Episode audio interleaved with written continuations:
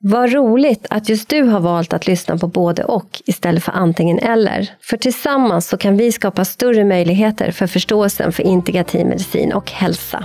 Är du intresserad av det här så bli gärna medlem i vår förening och en del av vårt nätverk. Mer information om det här kommer i slutet av avsnittet.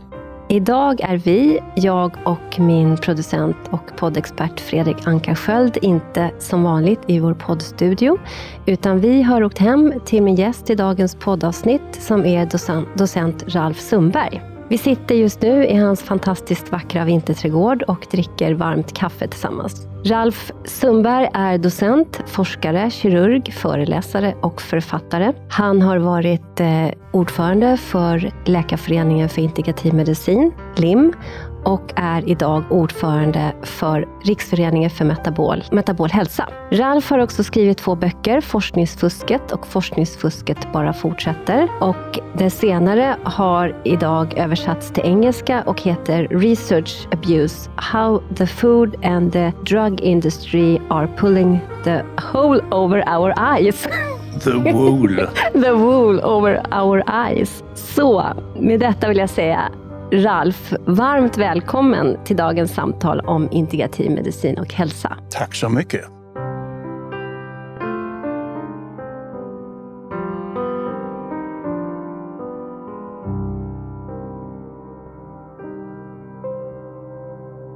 Ralf, jag skulle vilja börja med att fråga dig, hur väcktes ditt intresse för integrativ medicin och hälsa? Tidigt i ungdomen så blev jag väldigt intresserad av träning. Eh, fysisk träning alltså. Jag, eh, när jag växte upp i Bodafors så fanns det en friskspottarklubb. Och eh, de som minns hur det var för vet att det fanns en rörelse som hette Värlandismen. Det var Are Värland som propagerade för att vi skulle leva närmare naturen. Vi ska äta naturlig mat. Vi ska undvika socker och vi ska träna, fysisk träning. Frisksportarrörelsen var ganska stor eh, vid den här tiden, eh, i synnerhet i Småland. Och jag tyckte det var spännande det här med eh, träning och vi var väl ja, ett par, tre killar egentligen bara då i ungefär våran ålder eh, när vi gick i ja, högstadiet, början av gymnasiet, som drog oss ut till den här frisksportargården för att eh, ägna oss åt styrketräning och bada bastu och eh, hoppa ner i en iskall vak och så vidare. Ja, Frisksportarrörelsen gav ut en tidning och det stod ju lite grann om hälsa i det här då.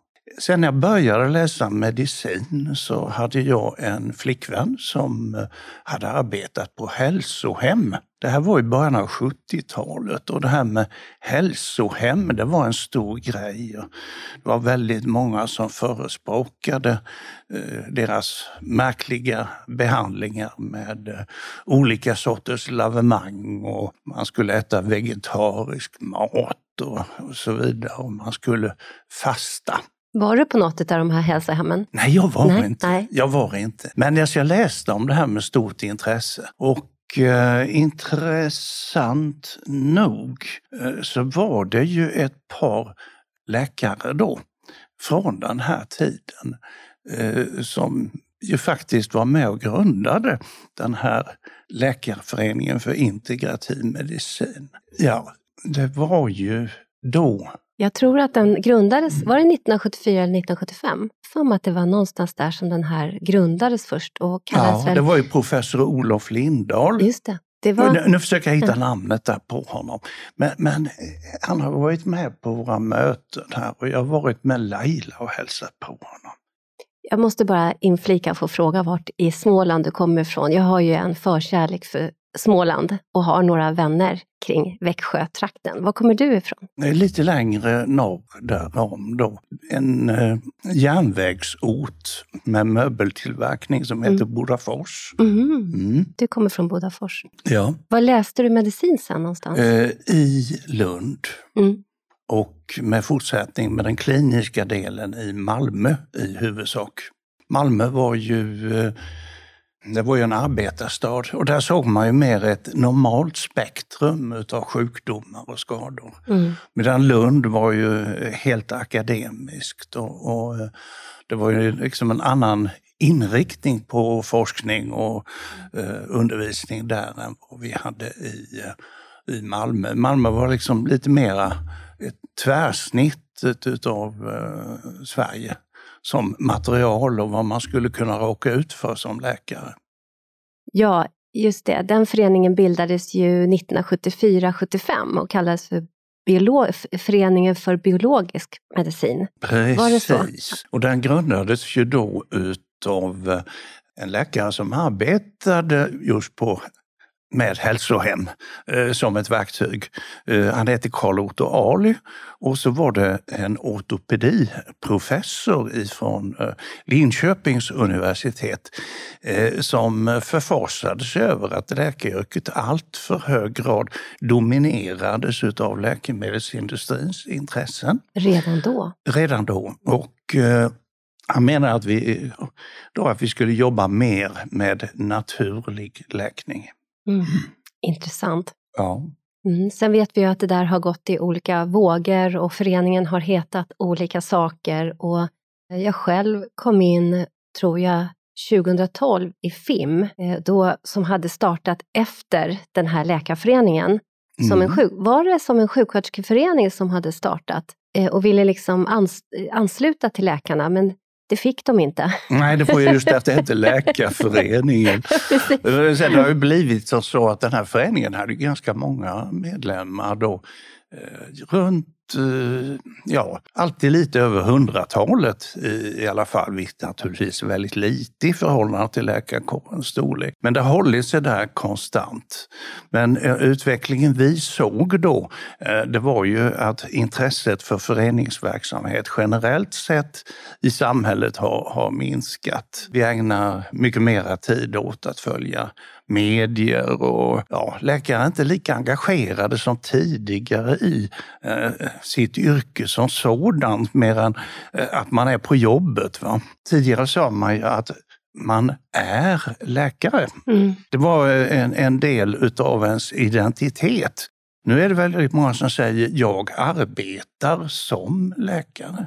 Och det är någonting helt annat. Mm utbildning har liksom inte blivit ens identitet på samma sätt som tidigare. Och definitivt inte lika mycket kall. Att, att eh, känna att man brinner för eh, sina patienter eh, och deras väl och ve, om vi ska använda ett gammalmodigt uttryck. Mm. Ja, och det kan man ju tänka, det är verkligen en samhällelig utveckling på belastning på arbetet, hur mycket tid man får med den enskilda patienten, mm. eh, hur det ser ut där man arbetar, att det har blivit väldigt högspecifika områden den ja. enskilda väljer att, eller, och kan jobba inom och så vidare. Det är mm. i alla fall det som jag upplever i samtal med er läkare, att det var mer en, en större förståelse, liksom, och den kanske finns såklart bland andra också, men en större förståelse för att helheten sitter ihop. Mm. Och själv är jag ju systemisk, jag är ju sjuksköterska i botten och psykoterapeut, men jag är ju systemiskt orienterad och utbildad. Och där i systemen, där sitter liksom allt ihop. Det är svårt att bara titta på stirra sig blind på en, utan det finns andra saker i det här systemet som liksom påverkas. Och Inom integrativ medicin tror jag att vi möter, vi som är där, och jag är ju väldigt nyfiken på din väg in i det här som du har påbörjat berätta om, är ju just att det är komplexa situationer. Det, ja, det, är ju, det, det blir det komplicerat, eller ja, vi, vi möter det kroniska men framförallt det komplexa. Mm. Vill du berätta mer om din väg in i förståelse? Ja, nej, så det fanns ju då en, eh, ett intresse där eh, hos mig eh, från eh, början och Eh, Eh, men det var ju väldigt, man märkte ju då under utbildningen att det var ju väldigt skarpa motsättningar. Och det var ju det här tänkandet att eh, allt som är vid sidan om huvudspåret, det var att betrakta ungefär som kvacksalveri. Med tiden kom jag också att betrakta det här med hälsohem och, och sånt där som lite skumt. Och det fasta, eh, så att säga. Hur nyttigt kan det vara? Jo, alltså det, det lärde vi oss i och för sig. Va? Att eh, det, det skärper till eh, systemen lite grann. Det är fasta och vegetarisk kost hos någon som har en reumatisk sjukdom åstadkom ju en, en förbättring som är jämförbar med en kortisonkur. Mm -hmm. Är det så? Ja, det, så var det. Så är det verkligen.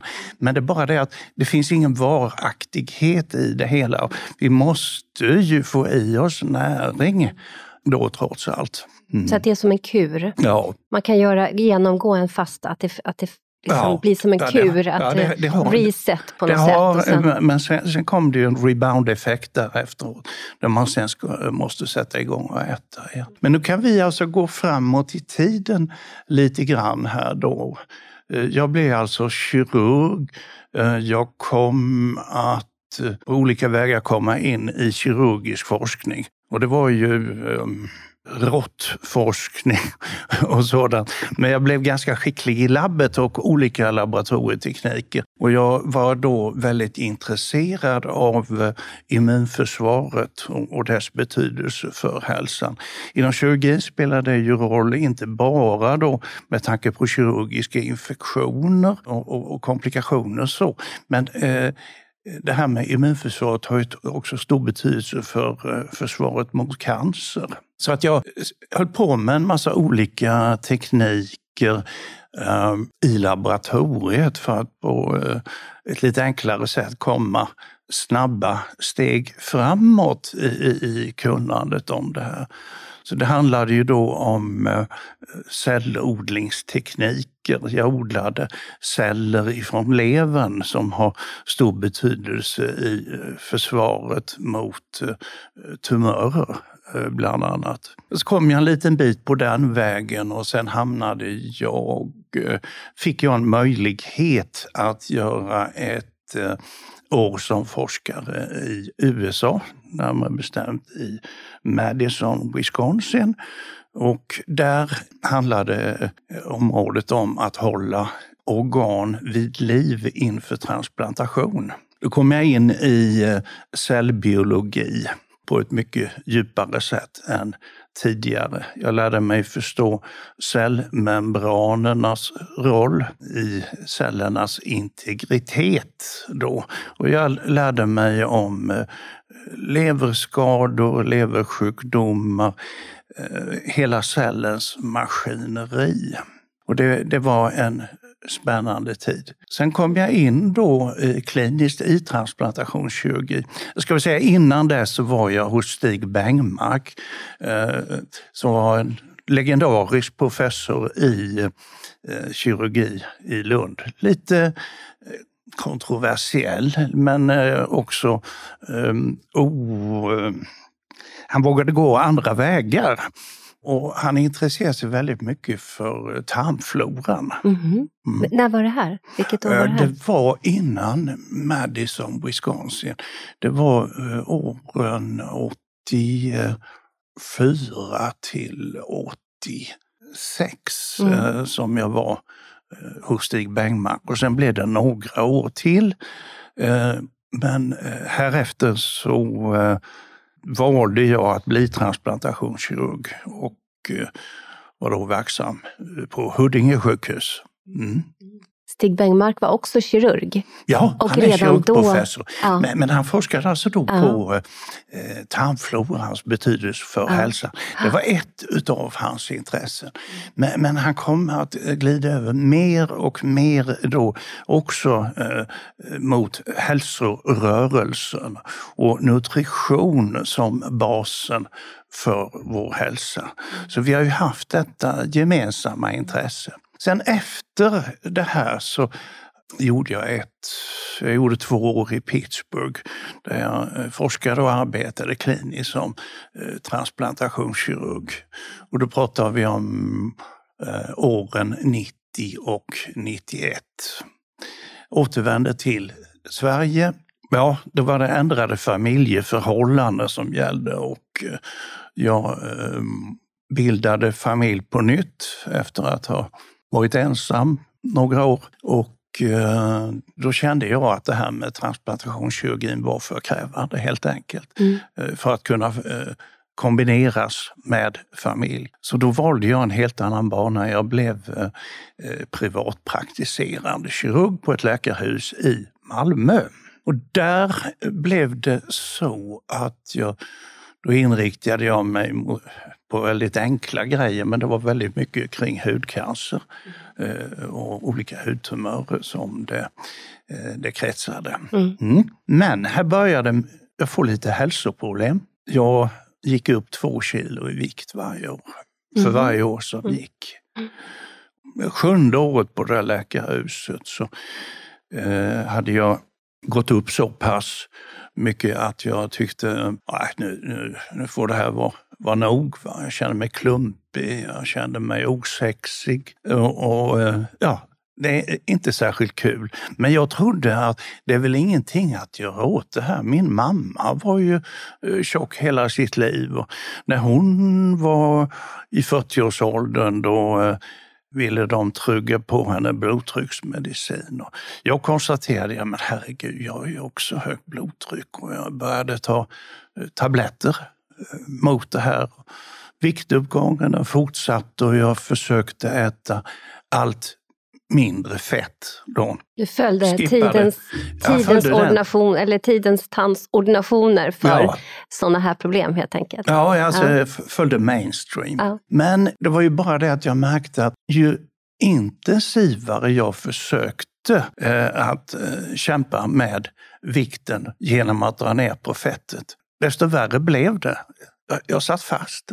Då var det så att vi fick min dåvarande fru och jag, vi fick besök av en väninna till henne från eh, eh, forskartiden i USA. Och det visade sig att den här kvinnan hon hade blivit, hon hade läst juridik, men hon hade värvats av eh, FBI och blivit FBI-agent. Spännande värld jag har levt i. Verkligen. Ja. vi hade varit du hade bjud... en egen FBI-agent hemma på lunch helt enkelt. ja, ja, hon stannade över några dagar. okay. ja. Och eh, hon eh, vi hade varit bjudna till hennes bröllop och där vimlade av FBI-agenter. Ja, det gjorde det. och dessutom var det som så att en man hon gifte sig med, han var åklagare, sa han. Ja, federal åklagare.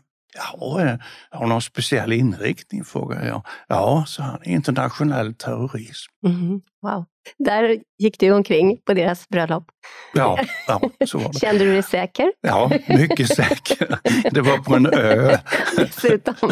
Ja, ja. Nej, men hon kom i alla fall på besök till Sverige. Hon hade varit och träffat eh, hemliga svenska eh, agenter och myndigheter. Men hon röjde en hemlighet för mig, nämligen det att hennes man hade haft samma problematik som jag. Han hade gått upp i vikt. Alltså, den, federala, den federala åklagaren? Ja, mm. han har gått upp i vikt och, och han hade upptäckt något sådär, vad ska man säga, mainstream eller inte mainstream, det kallas ju för modediet eh, på den tiden då det var Atkins-kosten. Atkins modell. Och jag har ju talas om den också.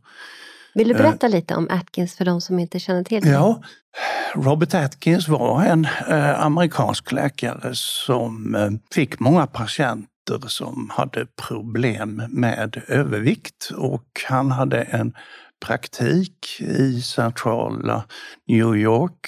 Han lärde sig att eh, av andra eh, tidigare eh, som eh, har lärt ut samma som han, att det är kolhydraterna, som, framförallt socker, som är den centrala problematiken i fetma. Så det är inte fettet då som man ska dra ner på, enligt Atkins. Eh, så hon, när hon, eh, den här agenten berättade för mig att det hade funkat för hennes man, så tänkte jag, ja, eh, jag får banne mig ta reda på vad det här är för någonting. Så jag googlade på Atkins och, och hans idéer om fetma och övervikt. Och så bestämde jag för, nej nu går jag till botten med det här. Så jag plockade ner från bokhyllan, ja redan samma kväll när jag gick och la mig och sedan läste jag mera på morgonen om hur vi reglerar hur fettväven reglerar sin ämnesomsättning. Och centrala där då är detta att det är insulin eh, som ser till att inte bara blodsocker sjunker, vilket vi läkare har tänkt på, men vi har glömt bort det vi en gång lärde oss i fysiologin och biokemin, nämligen att insulin lagrar fett. Och så länge insulinnivåerna är höga, och de blir höga när vi äter mycket kolhydrater och blodsockret stiger, då stänger eh, fettväven av ett, ett enzym som ser till att vi kan bryta ner fett i fettcellen och skicka ut det ur cellen så att vi, får, vi kan tillgodogöra oss den energi som finns lagrad i fettväven. Det är ju det liksom som är själva meningen med att vi lagrar fett. Det är att det, det är väldigt eh, effektivt. Eh, Fett innehåller betydligt mer energi än vad kolhydrater gör.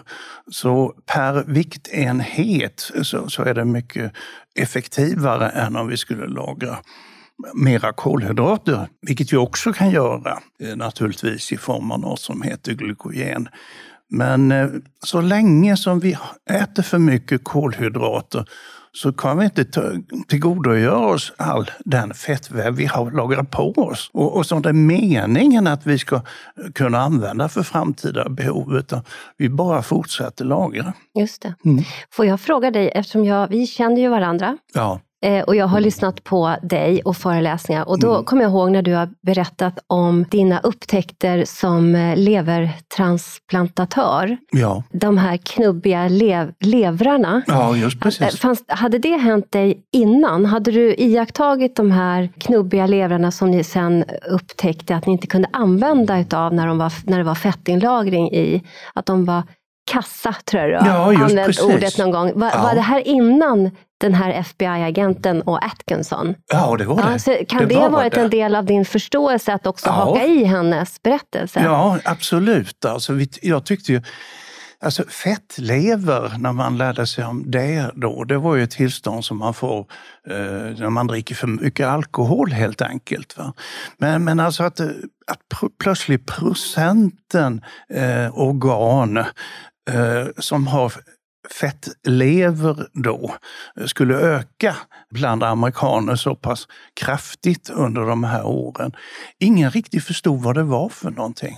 Skulle du vilja bara flika in det här med din förståelse när du, för du jobbade ju då ett tag med att, kunna, att du skulle få de här levrarna att överleva. Eh, mm. Från donatorn till den som skulle vara mottagare för mm. levern. Och din upptäckt, det du såg, skulle du vilja bara berätta lite om det? Vad såg du? Eh, hur, hur, förståelsen för vad det här var för någonting.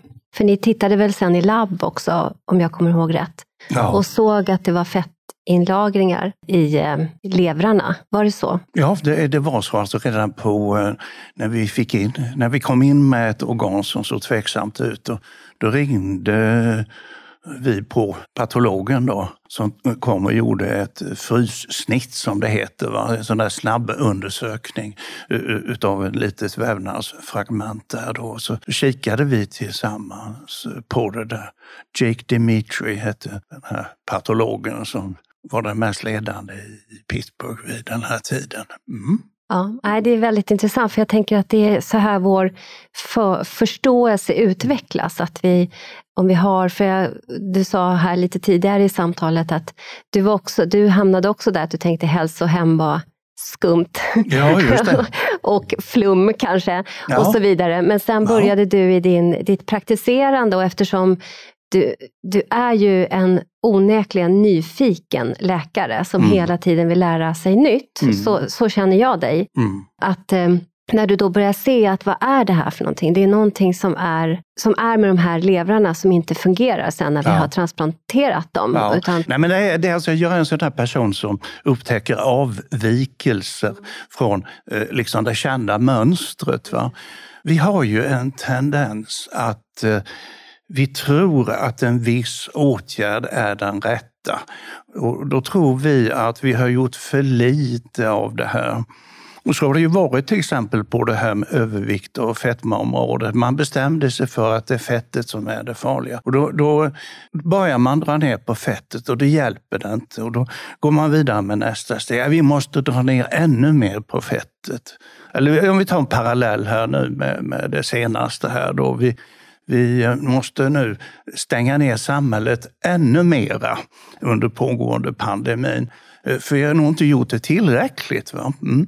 Alltså mer och mer av det som inte fungerar istället för att vi tänker om. Vi, vi måste ha tänkt fel här någonstans längs vägen. När, när en åtgärd inte fungerar hjälper det att göra ännu mer utav det. Einstein var, sa ju redan, han har en sägning om det. Vi kan inte lösa problemet där det skapades. Eller, Nej, så att vi behöver tänka så. nytt. Liksom. Nej, man måste mm. titta, eh, titta efter nya vägar. Men som sagt, jag läste på här om Atkins och tog reda på vad det var. Och sen satte jag igång här då och provade för att bära eller brista. Va? Nu vill jag lösa det här problemet för min egen del. Mm. Och Eh, Eh, jag märkte ju att det fungerade det här med att äta bacon och ägg till frukost istället för att äta frallor. Eh, och att jag uteslöt potatisarna och riset och pastan. Och så tyckte jag det här var ganska intressant, men jag behöll det för mig själv. Och jag behöll det på, i min egen verksamhet också, för patienterna började undra vad du har Va, gått ner i vikt. Du, ser, du, ser, du ser friskare ut, du har gått ner i ja. vikt. Och vad har doktorn ja. gjort? Ja. ja, men det blev ju så. De började fråga eh, vad det var och sen började jag ju då lite grann brinna för det här. Eh, och då tänkte jag, ja men det här är ju av intresse. Okej, okay, fungerar det så här för mig? Nu ska jag ta reda på, har det fungerat så här för andra också? Och eh, det visade sig att många av mina patienter hade läst om den här Atkins och, och läst hans böcker och och försökt följa det här. Och det, det visade sig att jag hade väl ett dussin patienter med samma upplevelse som jag. Sen dök det upp en artikel i Dagens Medicin där en distriktsläkare eh, från Sundsvall eh, hade gjort samma upptäckt. Mm. Eh, för henne hade det gått till på ett annat sätt. Hennes dotter hade, gick läkarutbildningen och de hade alltså fått experimentera med eh, sin vikt och sin kost under några veckor. Och det var då eh, på så sätt som Annika Dahlqvist, eh, den så kallade fettdoktorn och allt vad hon har kallats, de, eh, gjorde samma upptäckt och lyckades alltså eh, förändra sitt liv mm. radikalt. Och hon, skrev, hon hade fått in en artikel i Läkartidningen om Nej, det här. Dagens Medicin. Dagens Medicin, förlåt. Ja, just ja, Dagens Medicin. Nej, och det, det, ledde till, jag funderade på det här men jag slog upp eh, hennes telefonnummer Eh, och vi fick kontakt. Och eh, Eh, ja, vi ringde varandra gånger och funderade på, ska vi starta en förening för det här? Mm. Jag skrev brev till eh, professor Stefan Rössner som ju då ansågs vara Sveriges främsta fetmaexpert om det här, men jag fick inget svar. Nej, jag fick en sån här out of office reply. Eh, sen skrev jag till Åke Brus som då var tillförordnad professor på eh, Livsmedelsverket som jag också var engagerad i, i kostfrågor. Åke Bruse svarade mig däremot. Men det var ett brev som utandades ett komplett ointresse. Och det tycker jag var väldigt märkvärdigt. Va? Jag har skrivit i två stycken och jag ber om respons. Vad tror ni om det här? Skulle det här kunna vara rätt sätt? Att lyfta ett vetenskapligt samtal om ja, potentiellt någonting ja, nytt. Som, ja. En ny förståelse. Ja, för. Men det mm. fanns mm. alltså ingen nyfikenhet Nej. hos de här eh, båda forskarna. Det fanns ingen som helst nyfikenhet. Ja, alltså är man forskare ska man vara nyfiken. Ja, det är ju det som är vetenskapsmannens ja, ja. Liksom, uppgift. Men då är, det, då är det ju så här att för väldigt många så är liksom den akademiska karriären i första hand en karriär. Det är inte en karriär inom forskningen som sådan, utan det gäller då att bevaka poster, skaffa sig titlar. Eh, kanske inte att, att intressera sig för sådant som kan tjäna patienterna och mänskligheten. Utan det handlar mer om att man positionerar sig. Hur gamla var de här personerna då? När var det här? Ja, jag gissar att de är en tio år äldre än jag. Så mm. De var ju då strax innan pension. Jag har ju passerat mm. strecket. Mm. Jag, tänker, jag tänker också på det här med kognitiv bias. Ja. När vi är i vår, vilket vi alla människor är i. Mm. Det är ju en del av våra förståelseprocesser, att när vi är i vår kognitiv bias så är vi så inne i, på det vi har sett, praktiserat, tror, har läst forskningsartiklar eh, och så vidare, varit i vetenskapliga sammanhang och det här är det som är fakta. Och så glömmer vi av det här med den här forskningsprocessen där vi lär nytt hela tiden. Och den, då måste vi liksom komma in i att det börjar komma påstötningar från olika håll som blir då en kognitiv dissonans till slut, att, mm. som i sin tur gör att ja, men vi kanske kan börja, vad är det här för någonting? Men då måste det ha pågått och det tar tid. Och jag tänker att de här männen, professorer, har liksom, de vet. Det här är deras fakta. Och då kommer du och säger någonting helt nytt. Och då är, då är motståndet liksom, nej men det här, det, ja. Det, det, här är nog, det är nog en eh, del utav det hela. Mm. Men, men, när jag sedan började titta på eh, olika nätverk utav forskare eh, inom det här området. och då, börjar, alltså då, då talar vi om fetter och socker och vi kommer då också in på det här med kolesterol som ju var en central del utav det här paradigmet då, att mättade fetter är farligt. Mättade fetter skulle då höja kolesterolnivån i blodet och det skulle öka risken för hjärtinfarkt. Så att bakom alla fettsnåla kostråd som vi har levererats så har alltså de här grejerna hängt ihop. Men då börjar jag tänka på det här ur ett helt annat sammanhang, nämligen eh, i det större eh, sammanhanget i samhället. Och här kommer vi då in på medicinens roll i samhället överhuvudtaget. Mm, medicin som läkemedel då, tänker du? Ja, men, men alltså även vår, vår livsmedelsproduktion. Mm, mm. Vi upptäckte att liksom den här fettskräcken då, eh, som, som, dominerade och kolesterolrädslan eh, fyllde en viss samhällelig funktion. Och jag tittade tillbaka på historien, när började eh, det här då? Och, det började alltså i eh, efterkrigstiden. Och det var, jag fann att det här måste vara en naturlig följd av att, ja, det fanns inte mycket animalieproduktion längre. Jag tittade på eh, eh Världshälsoorganisationens och eh, Food and Agriculture eh, Organization, deras möten, deras mötesprotokoll. Hur, hur, hur kom det sig att, att ehm, människor pådyvlades detta? Ja, det berodde ju på att vi hade förstört så mycket resurser under andra världskriget när, när det gäller livsmedelsproduktion. Så det såg ut på ett visst sätt, eh, nämligen det att vi, vi i, i USA under andra världskriget så var man ju tvungen att få fram fett på ett annat sätt än, äh, än att slakta djur. Man började odla sojabönor. Sojaolja innehåller en viss sammansättning av fetter äh, som är annorlunda äh, än de animaliska naturligtvis. Det innehåller betydligt mera av omega-6-fetter, vilket skapar inflammation i kroppen. Och där hittar vi den verkliga eh, orsaken till varför hjärt-kärlsjukdomar ökar. Men, men, det var andra saker vid den här tiden också. Och det ena gled ihop med det andra. Så att Tanken på att kolesterol skulle vara farligt var ju befängd. Men ingen visste ju vad kolesterol riktigt gjorde i kroppen, mer än att det fanns i gallan. Men man visste att det fanns en väldig massa kolesterol i kroppen. Men man visste inte alls vad det hade för, för uppgift. Liksom. För uppgift va? Nej, för vi har väl kolesterol egentligen i alla celler?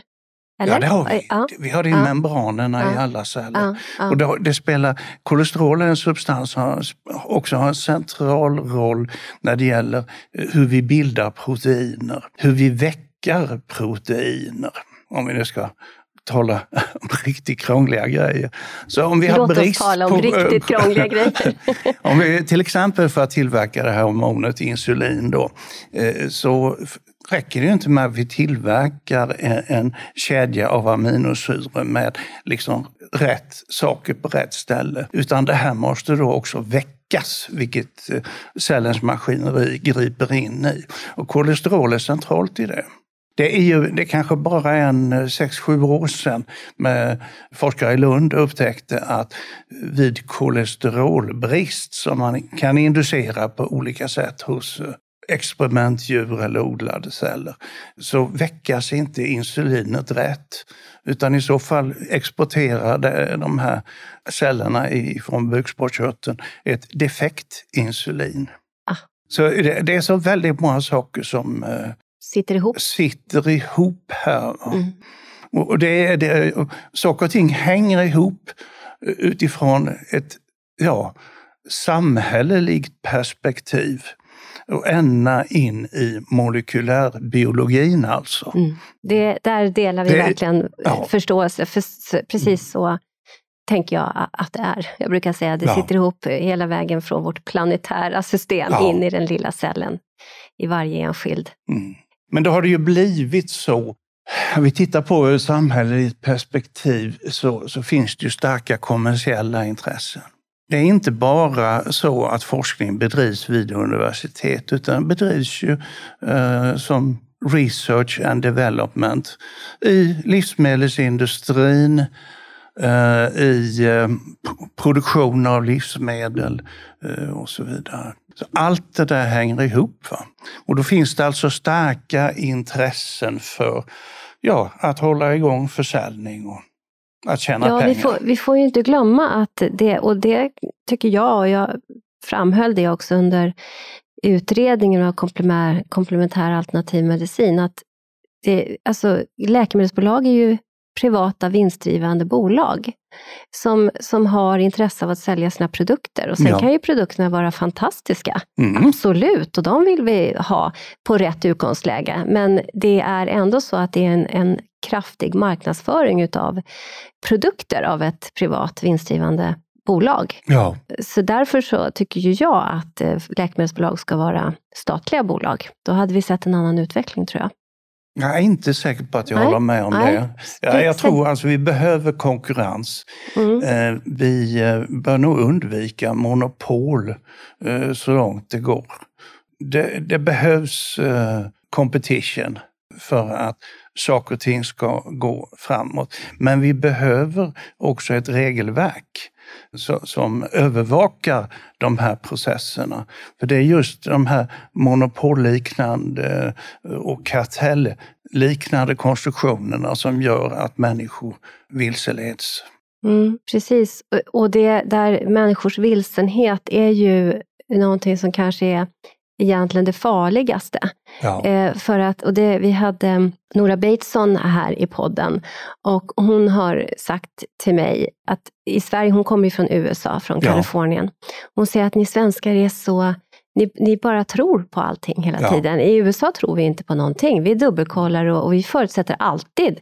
Ja. Jaha, varför ska just jag ha det här läkemedlet? Eh, och på vilka grunder och så vidare. Att vi, hon anser att svenskar är så naiva. Det är hennes bild av att vi, vi har en naivitet, där vi liksom tror på allting och vi behöver börja ta eget ansvar. Det betyder inte att vi alltid blir lurade, men man behöver liksom göra en egen research och ifrågasätta och fundera och diskutera. Eh, Och jag tror att vi i Sverige har tappat den här vetenskapliga diskursen som, som en gång fanns på Sokrates tid. Det är ju därifrån alla våra vetenskapliga samtal kommit, driven ur dialektik. Men idag, så, apropå när du kontaktar de här äh, fettprofessorerna, Ja, kan vi kalla där, för. ja, jag kan kalla dem för det eh, nu, att det blir inte en dialog. Nej, det stoppas innan dialogen Ja. och, den, och den dialogen, och det har ju vi jobbat mycket för i vårt gemensamma föreningsarbete för integrativ medicin, har vi ju jobbat för att återskapa den vetenskapliga, alltså ramen för en vetenskaplig diskurs som inte sker inom stängda, sam, stängda, stängda samtal. Mm. Som där expert, experter sitter. Men, jag tror att det var du som berättade någon gång för mig att en diabeteskonferens kostade 10 000 kronor för entrébiljetten. Ja, det är ofta så. Ja, eh, och det är inte vem som helst som kan gå dit och lyssna. Nej. Utan det blir mm. ju ett, ett, det blir experterna som får gå dit, som blir ditskickade mm. och så vidare. Och det där finns det ett problem med, anser jag. Att det, jo, det... alltså det, vi, vi styrs i väldigt hög grad av de som kallas för Key Opinion Leaders. Om vi tar hur det var att vara läkare på eh, tidigt 80-tal. Vi kan ta som exempel då när jag jobbade hos Stig Bengmark. Då, då hade vi en utbildningskväll varje vecka när vi eh, satt kvar till klockan åtta på kvällen och i kompensation så slutade vi lite tidigare på fredagen. Och då inleddes det här mötet alltid med att eh, då skulle vi äta något och, och eh, ja, då kom ett läkemedelsbolag då och, och, köpte en biljett in och då fick de tio minuter på sig att säga det de ville. Och vi var fruktansvärt ohövliga och vi häcklade de här. Och vi genomskådade deras studier, att de inte eh, kunde jämföra eh, två läkemedel på det sättet som de gjorde. Och eh, ja, och eh, då uppmärksammas det här ju väldigt att eh, läkare bjöds på måltider och sånt där. Man tyckte det här var mutor och man, man pratade om värdet av alla eh, som de kom och delade ut och små leksaksgrejer som skulle få en att skriva ut deras medicin. Så man häcklade läkemedelsbolagen. Så då fick vi något annat istället. Jaha, nej, då, då, då försvann de här förmånerna som ju var helt fantastiska, kanske i allmänhetens ögon. Men eh, Eh, det ersattes med att läkemedelsbolagen istället uppvaktade personer i den tidiga karriären och, och tog sig an de här och såg till att de la pengarna där istället på att låta dessa åka på konferenser och, och, mäta sig i att vara skickliga talare. Så plockade man ju då ut ett urval här då som gynnades i sin karriär genom att de fick forskningsmedel. Och sen hade man då fått fram sina Key Opinion Leaders, eh, som det heter. Eh, och det var, var ju mycket effektivare. Eh, så att idag är vi långt mer styrda av läkemedelsföretagen i sjukvården än vad vi har varit tidigare när vi kunde inta en kritisk attityd. Mm, intressant. Hur ska man komma åt det här då? Ja, alltså det, vi har på något vis kört in i en återvändsgränd här. Jag tror det är viktigt att uh, allmänheten uppmärksammas på den här problematiken. Och det var bland annat det jag gjorde då eh, i den här, eh, min första bok, eh, Forskningsfusket, så blir du lurad av kost och läkemedelsindustrin. Just det, så att om vi bara stannar där lite och, och sorterar. Din docentur, vad disputerade du på? Jag disputerade på en avhandling om eh, att hålla levern eh, vid liv inför transplantation. Mm. Så du är docent det, inom levertransplantation? Ja, eh, eh, transplantationskirurgi. Mm. Så, så det handlade om eh, Ja, rent generellt kan man säga, med, eh, att hålla organ vid liv, men då specifikt levern. Eh, så det var ju arbeten jag hade gjort dels i, eh, i Madison, Wisconsin och dels i Lund. Eh, då jag hade en liten forskargrupp kring mig. Mm. Och sen blir du besökt av en FBI-agent. Ja. och har själv lidit av ohälsa ett tag, samlat ja. på dig vikt, prövar Atkinson. Atkins. Genom henne, eh, ett, vad sa du? Atkins. Atkins Ja. Där i börjar du blir nyfiken på hur man kan påverka sin hälsa i ytterligare, alltså Ja, ytterligare ytterligare där, ja. eh, liksom, omfattning med kosten. Alltså det var, det var, det var ju, jag tänkte mig bara det här som en metod att hålla, eh, hålla eh, vikten eh, i trim, så att säga. Va?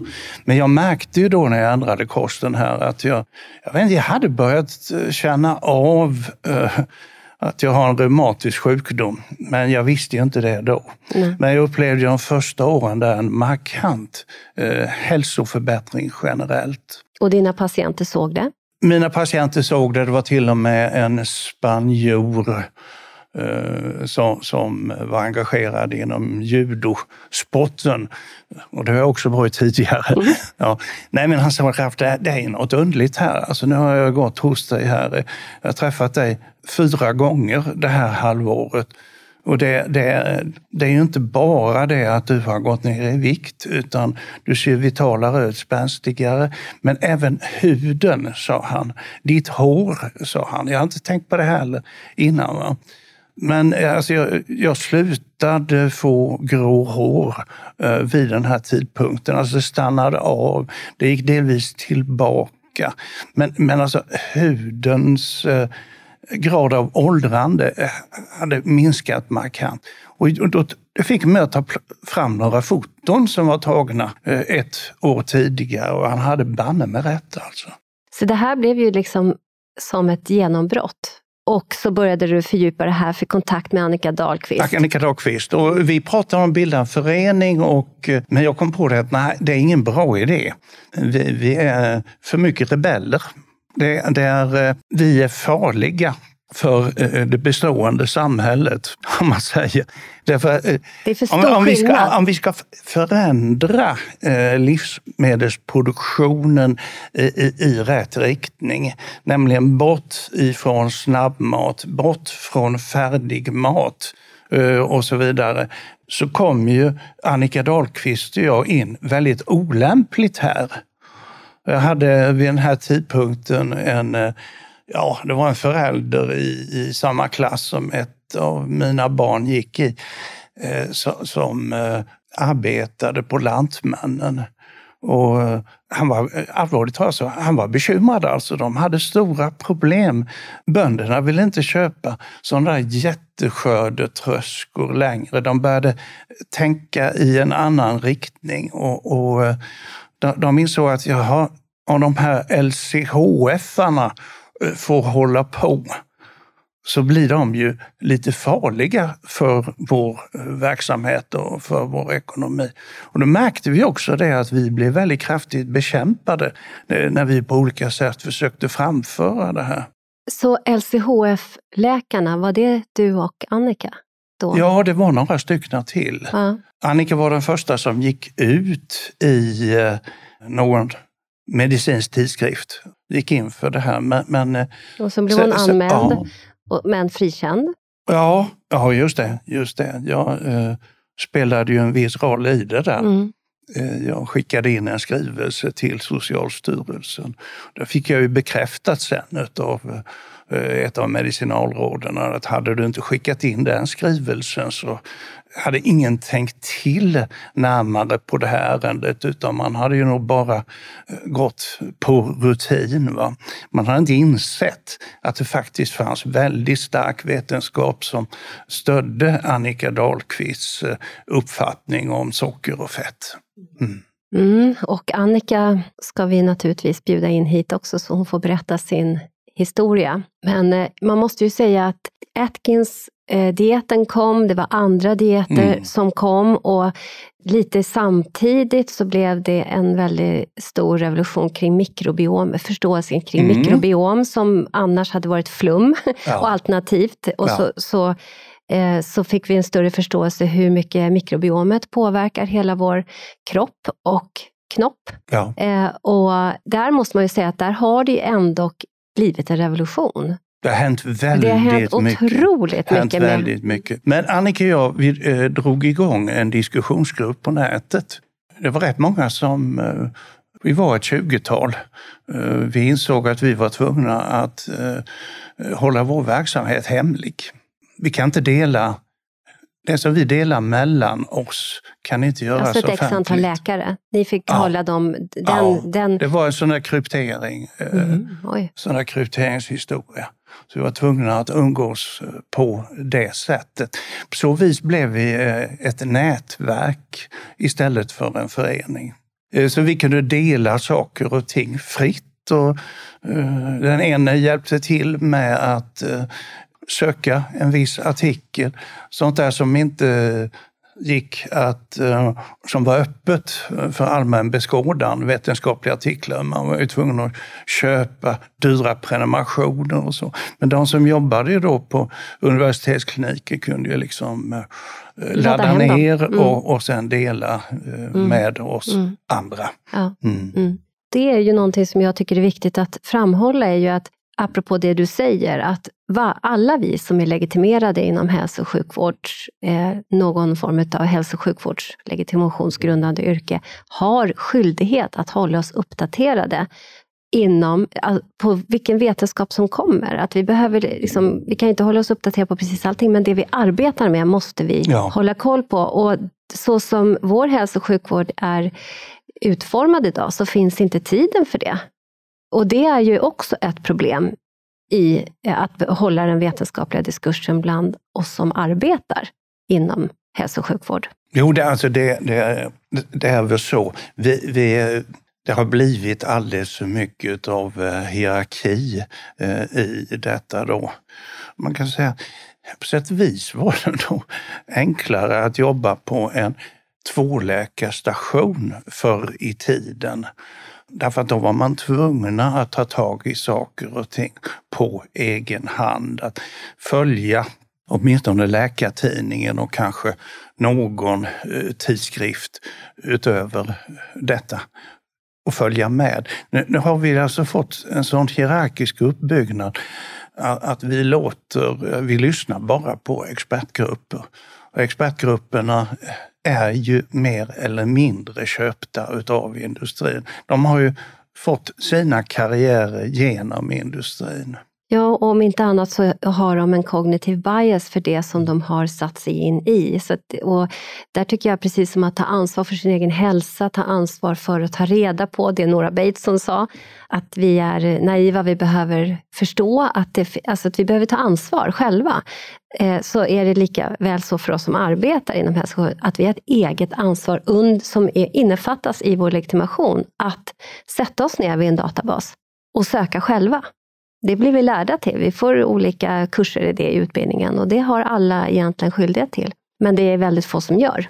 Man hinner inte och man gör inte, man vet inte hur man ska göra och så vidare.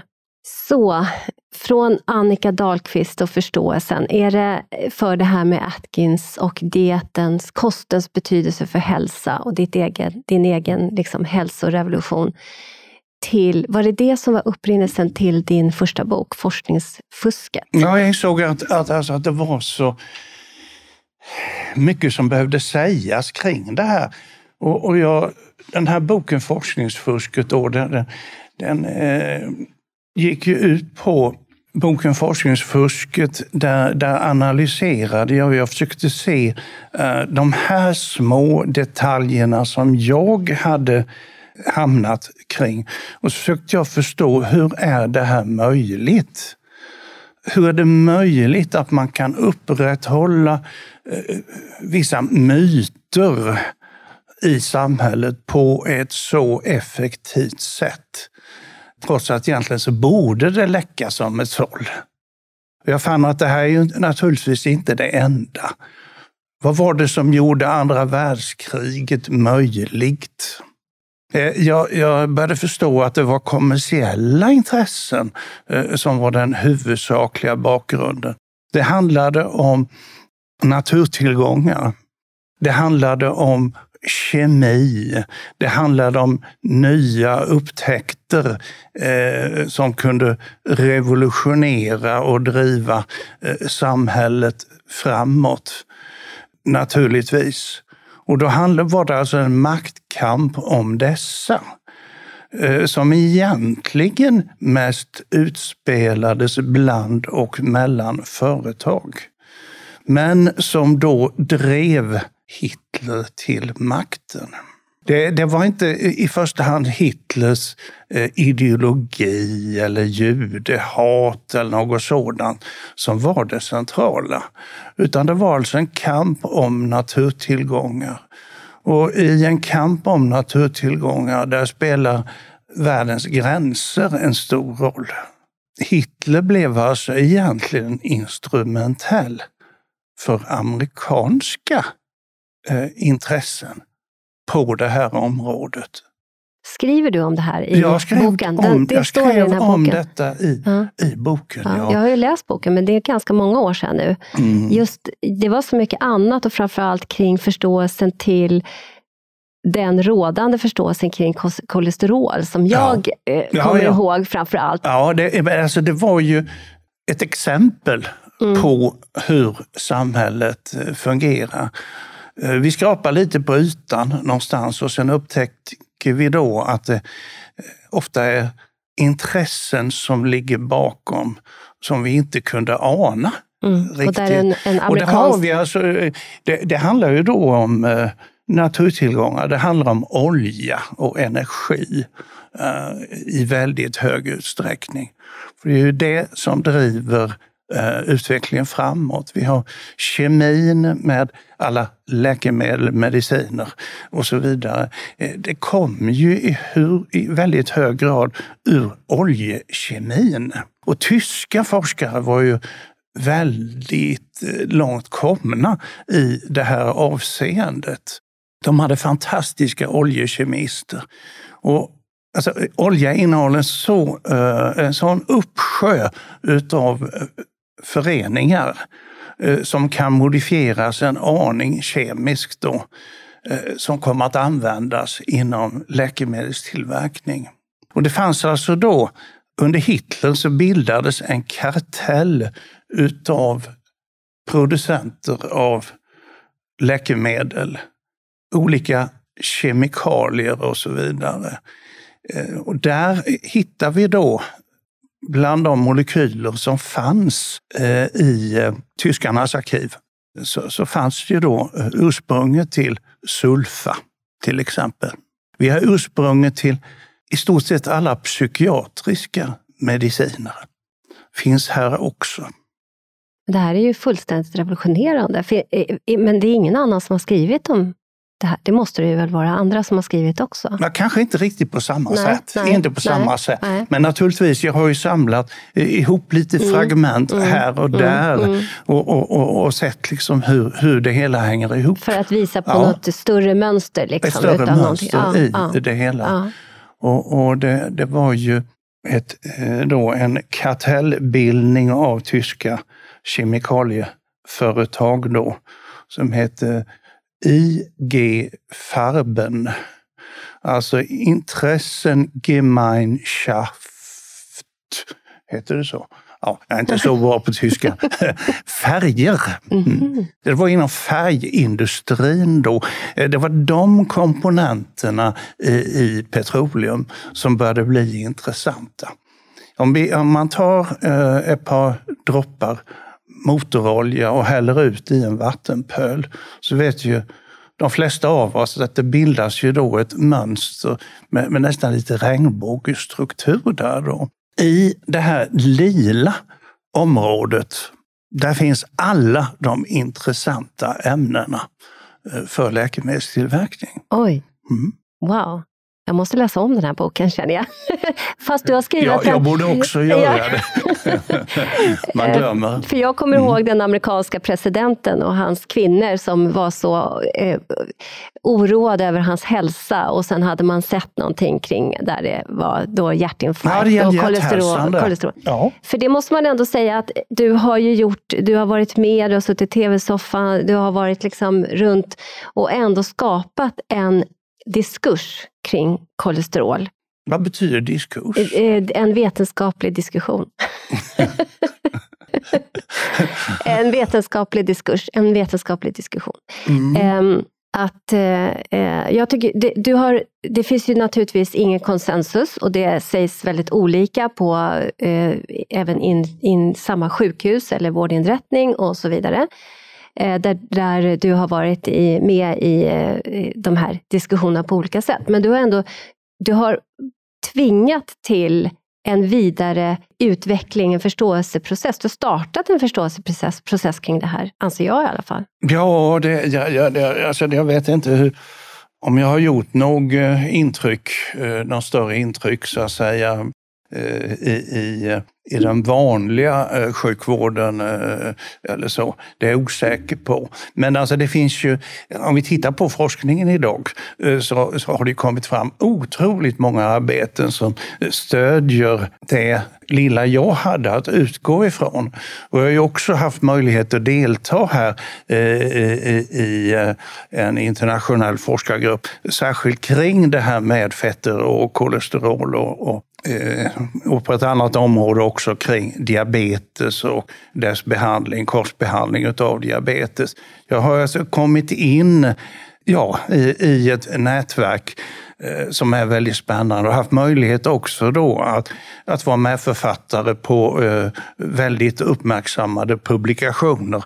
Och vilka andra forskargrupper har fortsatt i samma eh, riktning och, och bekräftat mm. så våra du slutsatser. In, du kom in i det här via ja. din bok då. Så då ska jag säga också hela ja. titeln, Forskningsfusket, så blir du lurad av kost och läkemedelsindustrin. Ja. Och sen har du gjort en ny uppdaterad version utav forsknings, den första boken som heter Forskningsfusket bara fortsätter.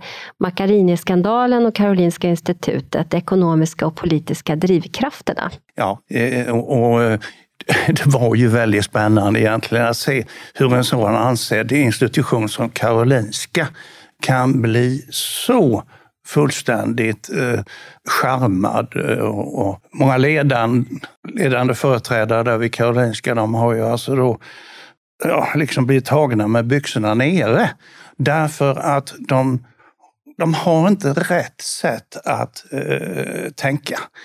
De har inte varit tillräckligt ifrågasättande i något avseende här eh, när Macchiarini eh, tillsattes och eh, de resurser som han fick eh, och hur man alltså fullständigt kunnat bortse ifrån sånt där som alla borde begripa. Alltså, jag har ju sysslat med då kärl och transplantationskirurgi.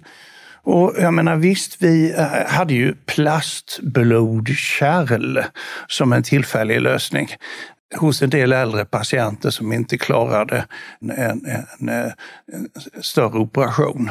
Så det är som ett sätt att, att slippa amputera benet. Va? Eh, och alla som känner till liksom hur de här fungerar. Okej, okay, de här genomsköljs av blod hela tiden. Vita blodkroppar följer med.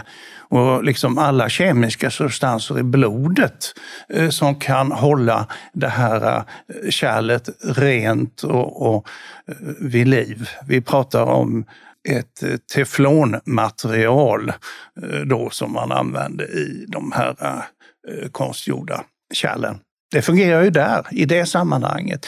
Men att man då kunde vara så naiv och tro att man eh, med att använda lite stamceller ifrån benmärg och att det skulle börja gro eh, på, på eh, en bit plast eh, och, och satsa så hårt på, på eh, det här och att tro att Karolinska skulle nu bli ledande i att tillverka konstgjorda eh, organ.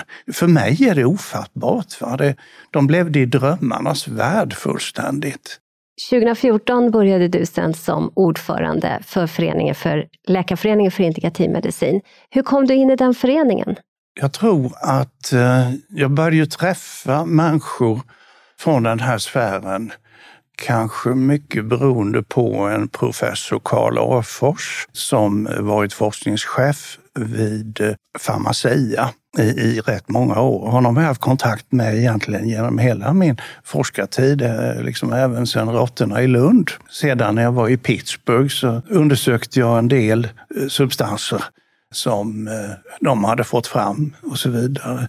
Men Karl rörde sig mycket i den i den här sfären. Så fick jag kontakt med flera människor ifrån hans kretsar. På något vis så uppmärksammades jag utav då eh, vår förre ordförande. Rune Eliasson. Ja.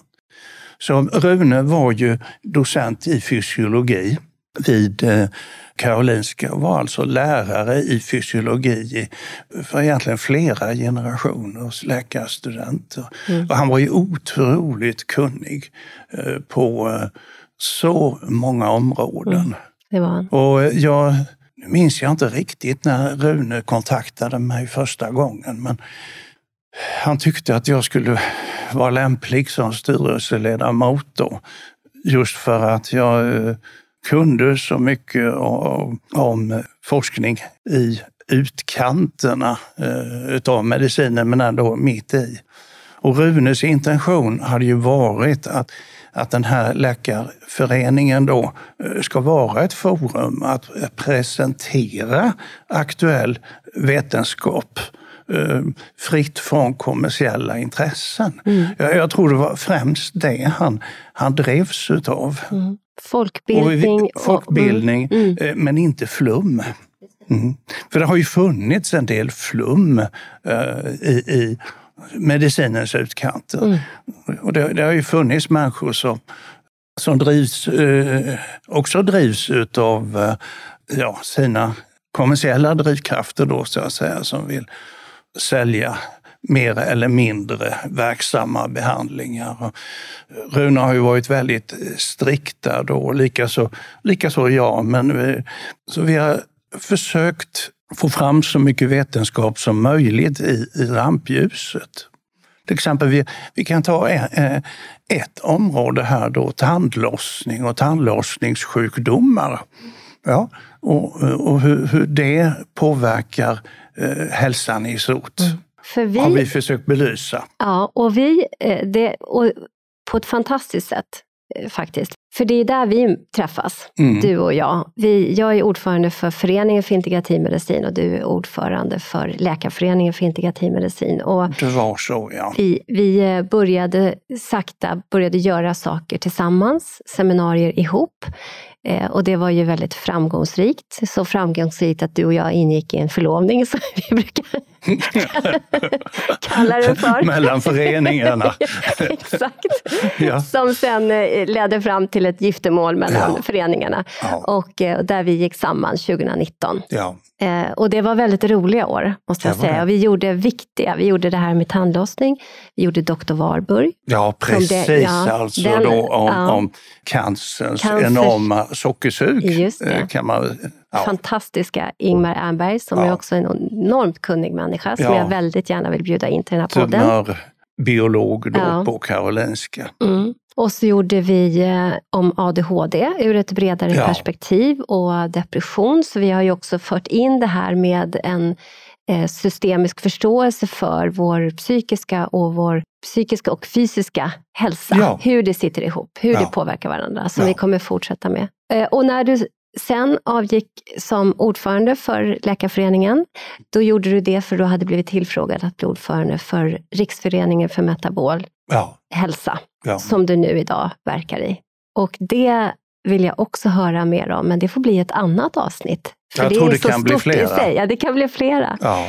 Om jag får wrap it up då, så blir det ju så att du hade ett stort intresse för friskvård som ung och prövade på det, mådde, tänker jag då utifrån min fantasi väldigt bra ifrån det. Du började läsa medicin. Du hade, det var en boom kring hälsoställen i Sverige som du sen började fundera, tyckte det var lite flum, men i din läkargärning så började du se ett och annat och framförallt i din, under din docentur som vi kan förklara då att docent, vad betyder docent? Handledare. Mm. Och att man har då genomgått en forskarutbildning. Ja och få forska på, på fri hand kan man säga och också handleda andra i sin forskarutbildning. På leverkirurgi eh, där du fick se att lever, eh, det fanns små knubbiga levrar som inte klarade sig så bra när de hade blivit transplanterade. Stora knubbiga. Ur det, också med förståelse för där du började få en egen ohälsa som förde dig in i ett samtal med en FBI-agent som presenterade Atkins. Och som du är nyfiken så så började du forska kring det här, kom i kontakt med Annika Dahlqvist startade en hemlig rörelse kring, kring detta som sen har blivit ganska offentlig. Eh, du kom in i eh, Läkarföreningen för integrativ medicin. Eh, där möts vi och sen kommer du vidare till Metabol hälsa, Riksföreningen för metabol hälsa och din gärning fortsätter. Och jag ber att få bjuda in dig igen till den här podden för att prata om det. Tack så mycket. Tack, Ralf Sundberg.